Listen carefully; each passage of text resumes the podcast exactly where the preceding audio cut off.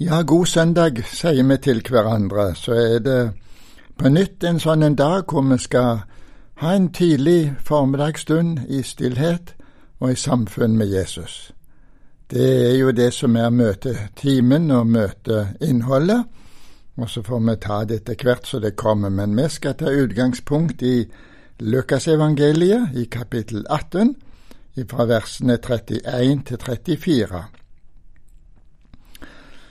Og det er fastelavn. Fastetida begynner nå på denne tida. Det minner oss om Jesu forberedelse til denne siste påskehøytid og eh, påskemåltid for hans del. Men før vi leser herifra, så skal vi be litt sammen.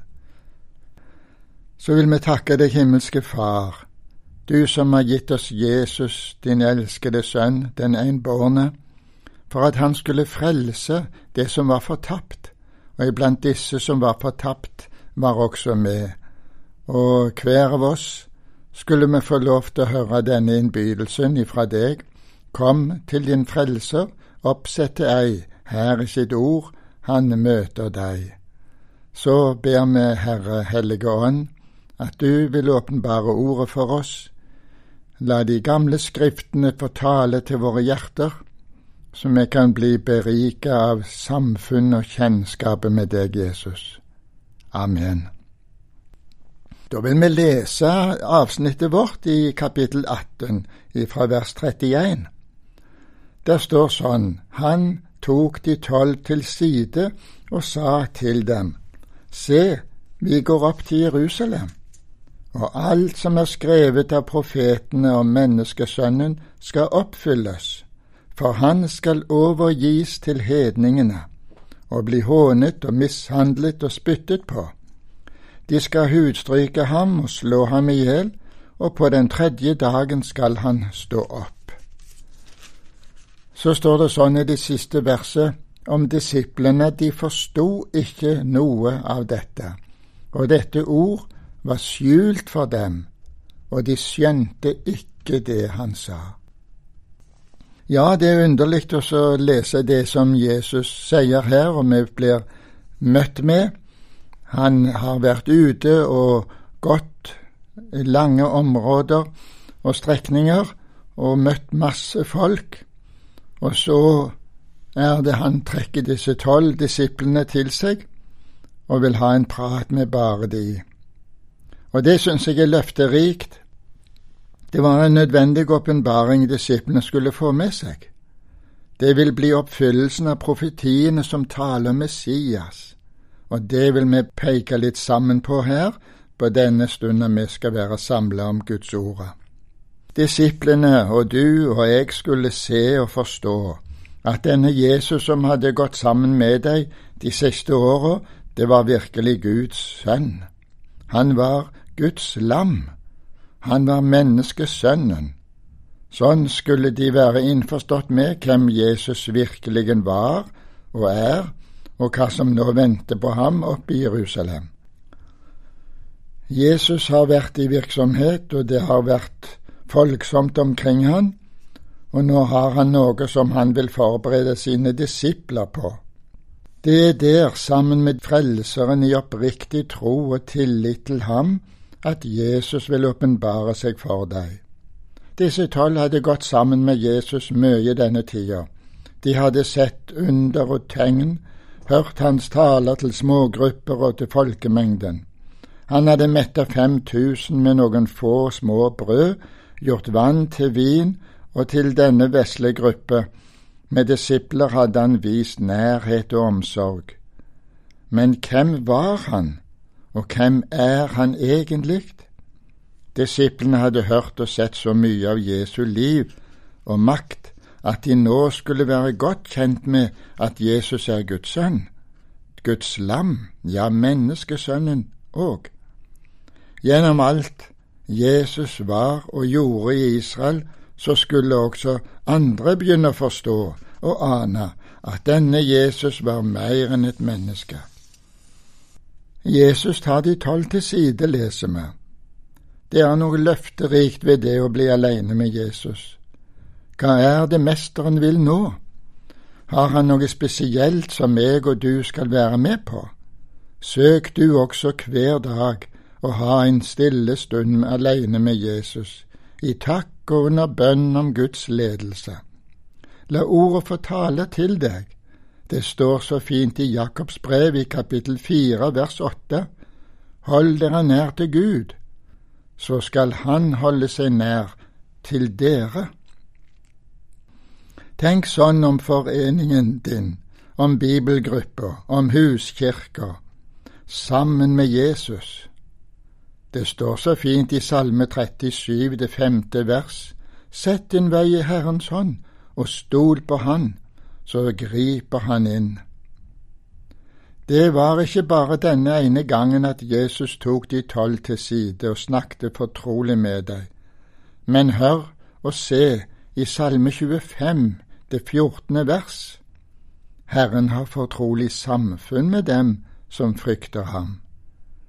Våger du å være fortrolig med Herren? Fortrolig samfunn. Vi aner hva det innebærer, og erfare det når vi er sammen med Jesus. Vi kan også tenke på disse to som var på veien fra Jerusalem til Emmaus. Det var på den dagen Jesus sto opp fra de døde. Vi kaller de gjerne Emmaus-vandrerne. Og plutselig, mens de går der og snakker sammen om alt det som hadde hendt med Jesus disse dagene i Jerusalem, så kommer Jesus og slår følge med deg. Det blei en stille stund med Jesus mens de vandra langs veien. Det hadde blitt mange sånne oppbyggelige samtaler på en vandring langs veien. Det har gjerne du òg og jeg opplevd. Ta vare på den kristne samtalen. Det blei en gudstopplevelse. Men de forsto ikke dette som skjedde disse dagene i Jerusalem, det som var forutsagt av profetene. Vi legger merke til hvordan Peter reagerte da Jesus orienterte deg om samme sak litt før. Det må ikke skje deg, sa Peter til Jesus. Ja, der står sånn i Matteus evangeliet kapittel 16, 22. Da tok Peter ham til side og sa, Gud fri deg, Herre, det må aldri skje med deg. Da måtte Jesus snakke Peter til rette. Og så er det som at han eh, løfter blikket der de er på vandringen. De er på vei mot Jerusalem, og han sier til disiplene, Se, vi går opp til Jerusalem. Denne veien hadde Jesus gått mange ganger. Når de skulle til påskehøytiden, det var reine festreisen hvor de kom folk fra alle kanter for å feire påske. Men denne gangen lå det et tungt alvor for Jesus over turen. Se, sier han, det er som at Jesus vil legge dette alvor inn over deg. Opp til Jerusalem, det var å komme til forsoningen, til syndenes forlatelse, til møte med den allmektige. Tempelet var i Jerusalem, tempelet var symbolet på Guds nærhet. Opp til Jerusalem, det innebar mange ting for tanken og for holdningen. Nå hadde Jesus noe på hjertet, noe som han først ville dele med sine disipler. Han sier det sånn i teksten vår, alt som er skrevet av profetene om menneskesønnen, skal bli oppfylt. Det er Jesu holdning til Skriftene. Det skal virkelig si noe til oss òg om hva holdning vi skal ha til Det gamle testamentet, til profetskriftene, til salmene, til Mosebøkene, ja, til Bibelen. Disse gammeltestamentlige deler av Bibelen er ikke religiøst fyll, men det er konkret forutsigelse om Jesus, hva han skal gjøre for å fullføre oppgaven å være Guds lam som bærer bort all verdens synd. Ja, der står jo til og med at han ble gjort til synd for oss, istedenfor oss, for å gå inn i vår plass og ta på seg den dom som du og jeg er fortjent. Derfor dette, hør hva Jesus sier i det 31. verset vårt. alt som er skrevet av profetene om menneskesønnen, skal bli oppfylt. Vi skal ta fram noen av disse stedene og profetutsagnene. Vi kan gå til Første Mosebok kapittel 49 i det tiende verset. Vi hører litt om det som hører med til Jesu ettertavle.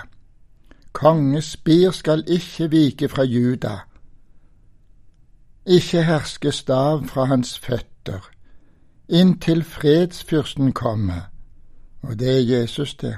Så skal det altså være en spire til å være konge for Israel. Han er ikke ennå, sier Første Mosebok. Det skal ikke mangle herskestav fra hans føtter inntil fredsfyrsten kommer. Det er Jesus. Og da sier Lukas evangeliet kapittel tre, det trettende verset. Han ramser opp flere av disse som hører til i ettertavlet til Jesus, og da kommer han også fram til Juda. Så Jesus er av Juda ett, sånn kunne vi tenke, og sånn skal vi tenke. Og går vi til profeten Mika, så vil vi finne litt om Jesu fødeby. Der står sånn i kapittel fem i det første verset hos profeten Mika.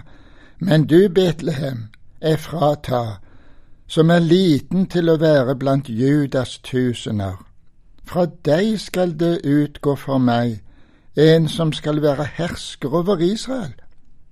Hans utgang er fra gammel tid, fra evighetsdager, sånn står det i profeten Mika i kapittel fem og vers én.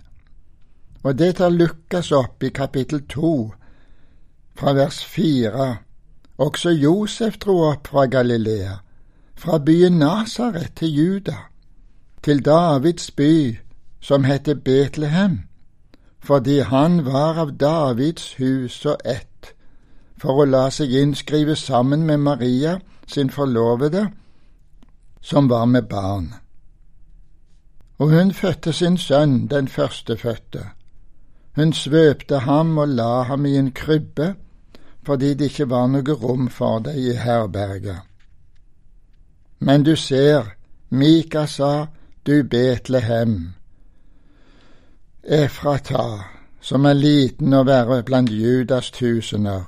Og så kommer Lukas og forteller det at Maria og Josef de tok ut den lange veien, for de hørte fra Nasaret av og helt sør til Betlehem, for det var den byen de hørte til når det gjaldt manntall og innskriving.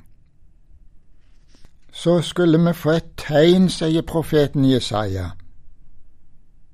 I kapittel 7 vers 14 står det Derfor skal Herren selv gi dere et tegn. Se, hun skal føde en sønn og gi ham navnet Immanuel. Og da tar Lukas tak i dette også i kapittel 1, i Lukas evangelium og vers 26. I den sjette måneden ble engelen Gabriel sendt av Gud til en by i Galilea. Det var byen Nasaret til en jomfru som var forlovet med en mann som het Josef, av Davids ett, og jomfruens navn var Maria, en jomfru, Maria, og engelen sa til henne, Frykt ikke, Maria, for du har funnet nåde hos Gud, se, du skal bli med barn og føde en sønn, og du skal gi ham navnet Jesus. Det var Lukas sin tolking av tegnet profeten Jesajas ga oss i kapittel syv. Så kunne vi lese mer om hvordan folk tok imot denne menneskesønnen. De, de trodde ikke på han. Hvem trodde det budskapet vi hørte? Sånn var holdningen til Jesus, ja, også iblant av disiplene. Og så kan vi gå igjennom alt med forhør og alt i Jerusalem foran hedningene, og til Salme 22. Tusen år før det skjedde, får vi høre disse ord, Min Gud, min Gud, hvorfor har du forlatt meg? Og så tar Matteus opp dette i kapittel 27, vers 46. Med den niende time ropte Jesus med høy røst, Eli, Eli, lama sabachthani. Det betyr Min Gud, min Gud, hvorfor har du forlatt meg? Tusen år før dette skjedde, og nå skjer det i og med at Jesus er på vei til Golgat, og eh, han stadfester disse ord, Min Gud, min Gud, hvorfor har du forlatt meg? Så kunne vi se også ifra Salmenes bok, ifra Markusevangeliet, om Jesu oppstandelse fra de døde, og så ifra Salme 68, vers 19, du for opp i det høye, bortførte fanger, tok gaver blant menneskene, og blant de gjenstridige for å bo der, Herre Gud. En salme som peker på at Jesus for opp til himmelen. Markus 16 skriver om det, at Herren, etter at han hadde talt til deg, ble tatt opp til himmelen, og han satte seg ved Guds høyre hånd. Ja, sånn kunne vi lese Skriftens ord, Den gamle testamentets budskap om menneskesønnen, om Guds lam som bærer bort all verdens synd. Alt, sa Jesus, alt som er skrevet av profeten om menneskesønnen, alt om Jesus, det skal skje alt sammen, og de taler altså om menneskesønnen. Så ligger altså Det gamle testamentet til grunn for Det nye testamentet. De gamle profetiene om Messias, Jesus Kristus, skulle bli oppfylt. Det var på den måten troverdigheten til en profeti ble prøvd på, om den ble oppfylt eller ikke, ville avgjøre om den var en sann profeti eller ikke. På den måten så ble jødene kjent med Messias og hans komme. Ville de studere Skriftene, så skulle de få se Guds frelsesplan. Det gjelder deg og meg òg. Ville vi studere Skriftene og overlate oss til Gud og Den hellige ånd, så skulle vi også få se Guds frelsesplan. Men hva skjedde her med disse som omgikk Jesus? Jesus sier til de i Johannes 5, 39, Dere gransker Skriftene. De granska og leste Skriftene. Hvorfor det? Fordi de mente at der hadde de evig liv i deg.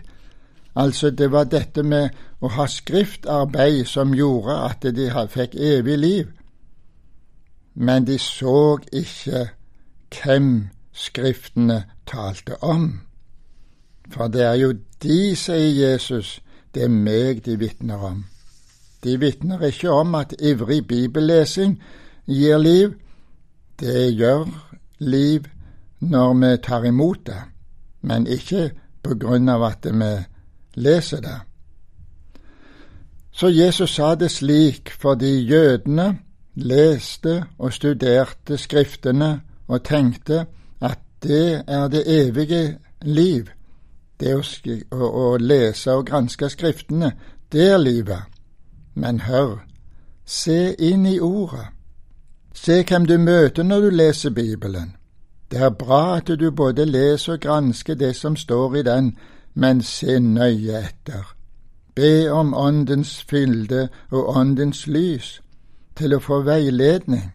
Får du øye på Jesus, hvem det er som taler til deg gjennom bibelordet? Jeg kunne si når jeg leste og hørte Bibelens budskap, at den talte bare til meg. Det var som å se meg sjøl i et speil. Jeg fikk høre Bøy dine tanker og holdninger under Bibelens ord. Og hør, der står i Jakobs brev i kapittel 1 vers 21 Ta ydmykt imot ordet. Ta ydmykt imot ordet. Da reiser vi oss ikke i trass mot ordet, men vi tar imot det.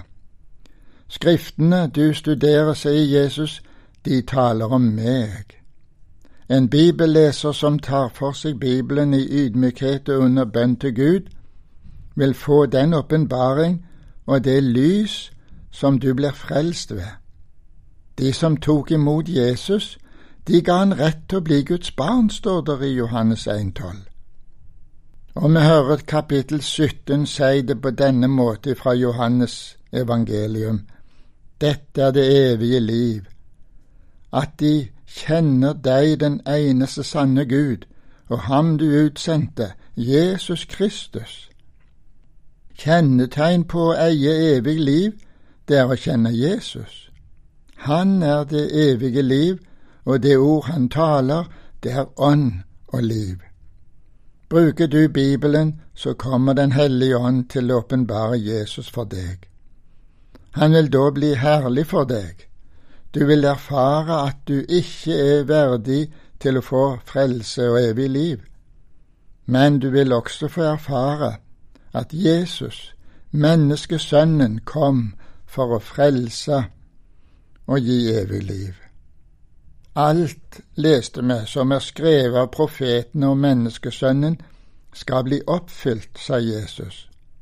Så beskriver han detaljer på de lidelser han skulle komme til å møte. Vi leser i vår tekst kapittel 18 i vers 32 i Lukas evangeliet. 1832.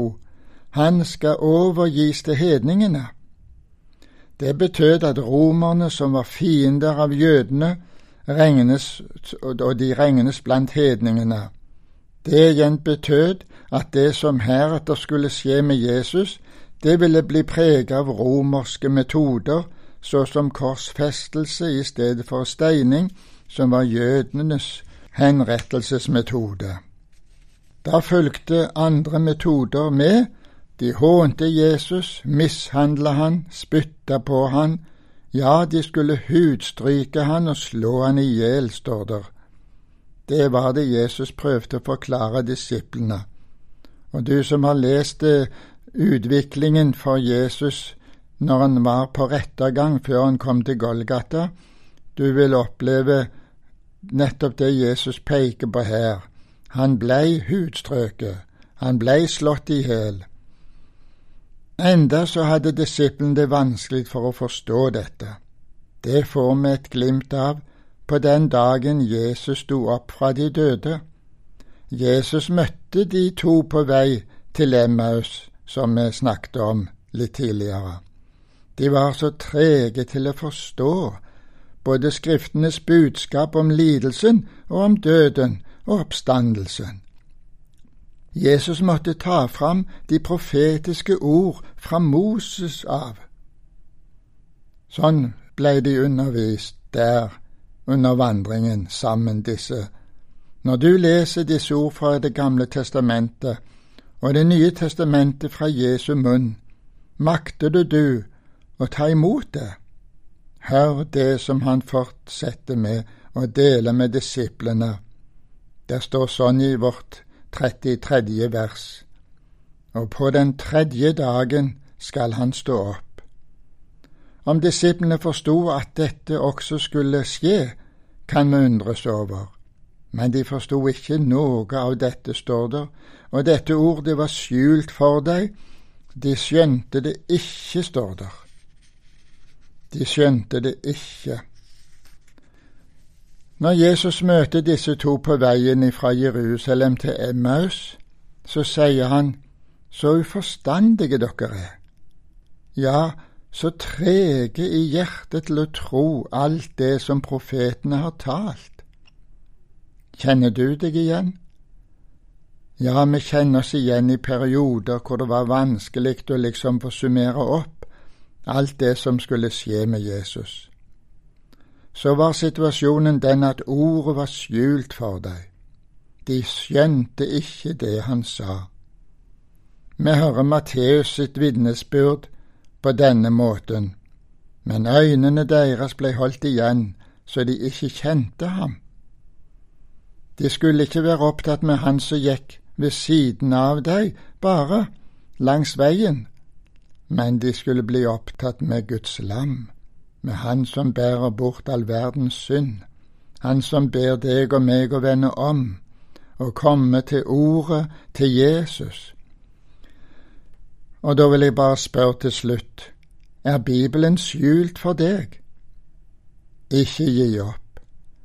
Det som Det gamle testamentet forkynner, det skal bli oppfylt.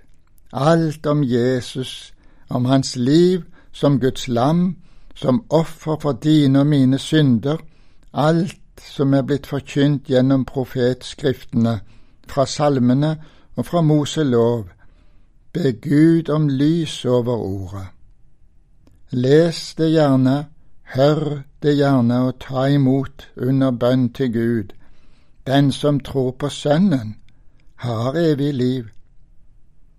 Da er det ikke spørsmål om at du kan vise til prestasjonene og ha kunnskap og masse sånn om Jesus. Det må du gjerne skaffe deg. Kunnskapen er med på å vise deg inn til Guds frelsesvei. Men fremfor alt, ta imot Jesus. Gjør det valget også denne dag. Du har gjerne fulgt Jesus et langt liv. Takk han for den tid som du har fått lov til å være hans. Han kommer snart igjen, og da skal han hente hjem alle de som tror på Jesus, og det skal du og jeg få glede oss over. Amen.